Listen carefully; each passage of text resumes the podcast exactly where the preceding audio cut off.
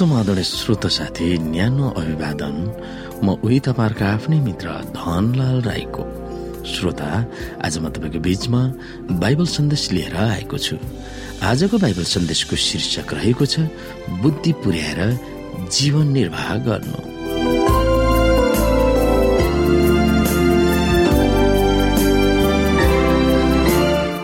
श्रोता साथी यो बुद्धि पुर्याएर जीवन निर्वाह गर्नु भन्ने बाइबल सन्देशमा हामीले विशेष गरिकन अध्ययन गर्नुपर्ने बाइबलका मूल पदहरू रहेको छ।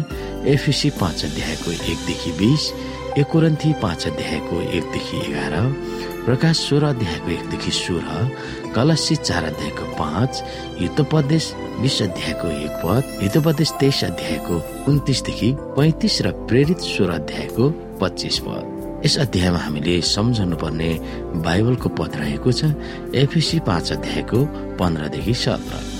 यहाँ लेखिएको छ कसरी हिँड्छौ ध्यानसँग हेर। निर्बुद्धि मानिस जस्तो होइन तर बुद्धिमान जस्तो समयको पुरा सदुपयोग गर किनकि दिन खराब छ। यसै कारण मूर्ख नहो तर प्रभुको इच्छा के छ सो बुझ। श्रोत साथी केही वर्ष अघि एउटा स्पटिकको लोटा बेलायतमा लिलामको लागि राखिएको थियो। लिलाम गर्नेहरूले त्यो लोटा उन्नाइसौँ शताब्दीको रातो रङ्ग भएको लोटा वा जगको मूल्य दुई सय डलर पर्छ भनेर अनुमान गरेका थिए। दुईजनाले त्यो जग अत्यन्तै दुर्लभ इस्लामको भाँडो भनेर चिन्ने। त्यसको मूल्यलाई तिनीहरूले दिमागमा खेलाउँदा पचास लाख पाउन्ड वा सत्तरी करोड डलरको अनुमान पनि गरे। किन्ने मानिसले लिलाममा तोकिएको मूल्य तिरेर किन लगेको थियो त्यो? किन्ने मानिसलाई त्यस जग वा भाँडोको बारेमा केही थाहा थियो। जुन बेच्नेले त्यसको सही मूल्य थाहा पाएको थिएन। मूर्ति पूजा गर्नेहरू र विश्वासीहरूले जानेको मूल्यमा के फरक छ भनेर पावलले एफएसी पाँच अध्यायको एकदेखि बिसमा उल्लेख गर्छन्। सनातन सृष्टिकर्ता परमेश्वरलाई नमान्ने मूर्ति पूजाको सभ्यतामा लागेका मानिसहरूले बेकारका ठट्यौली कथाहरू एफिसी पाँचको चारमा जाडक सिखाएर मोजमजामा मातिने। एफिसी पाँच अध्यायको अठारमा अश्लील र काम वासनामा मातिने। तिनीहरूको जीवनको ठुलो उपलब्धि वा धन मान्दथे तिनीहरूले। तर विश्वासीहरूलाई थाहा थियो कि समय आउँदैछ जुन सबै थोकका सही मूल्यहरूको पहिचान हुनेछ। विश्वासीहरूको निम्ति रमझम पार्टी जाँडक सिकाएर मातिनुको सट्टा यसो सबै भलाइ धार्मिकता र सत्यता नै मूल्यवान थियो। यसोमा भएको मूल्य मान्यता र शोभनीयतालाई पक्रिएर राखेर जिउ भनेर पावलले विश्वासीहरूलाई उत्साहित गराउँछन्।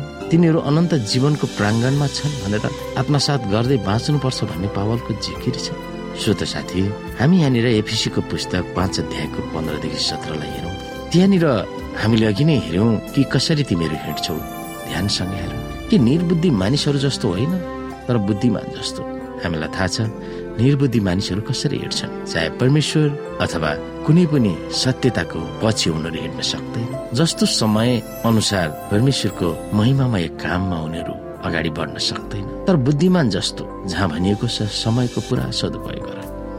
जुन परमेश्वरले दिनुभएको समय छ त्यसको हामीले पुरा पालना वा सदुपयोग गर्नुपर्दछ। हामीलाई थाहा छ दिनहरू खराब किसिमले बितिरहेको छ। श्रोता साथी साँच्चै नै आज हामी यो समयलाई हेर्न सक्छौ। विभिन्न ठाउँहरूमा विभिन्न किसिमका घटना परिघटनाहरू घटिरहेको छ। दिन खराब छ। मानिसहरू मानिसको पिछा गरिरहेको छ।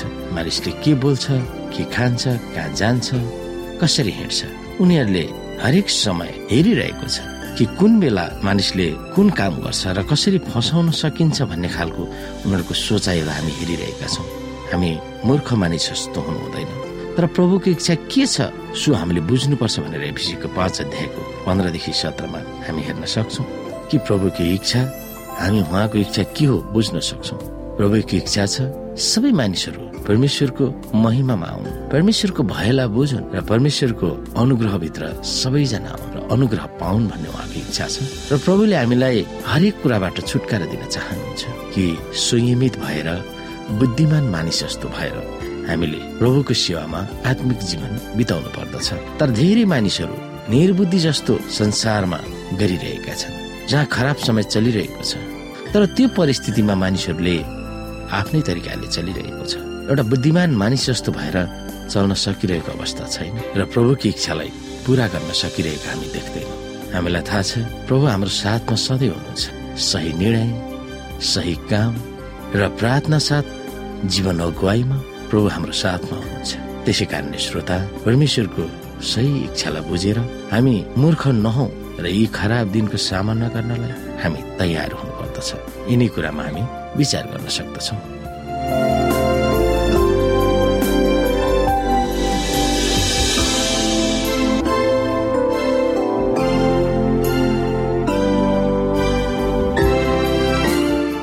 श्रोता साथी आजको लागि बाइबल सन्देश यति नै। हस्त नमस्ते। जय मसिंह।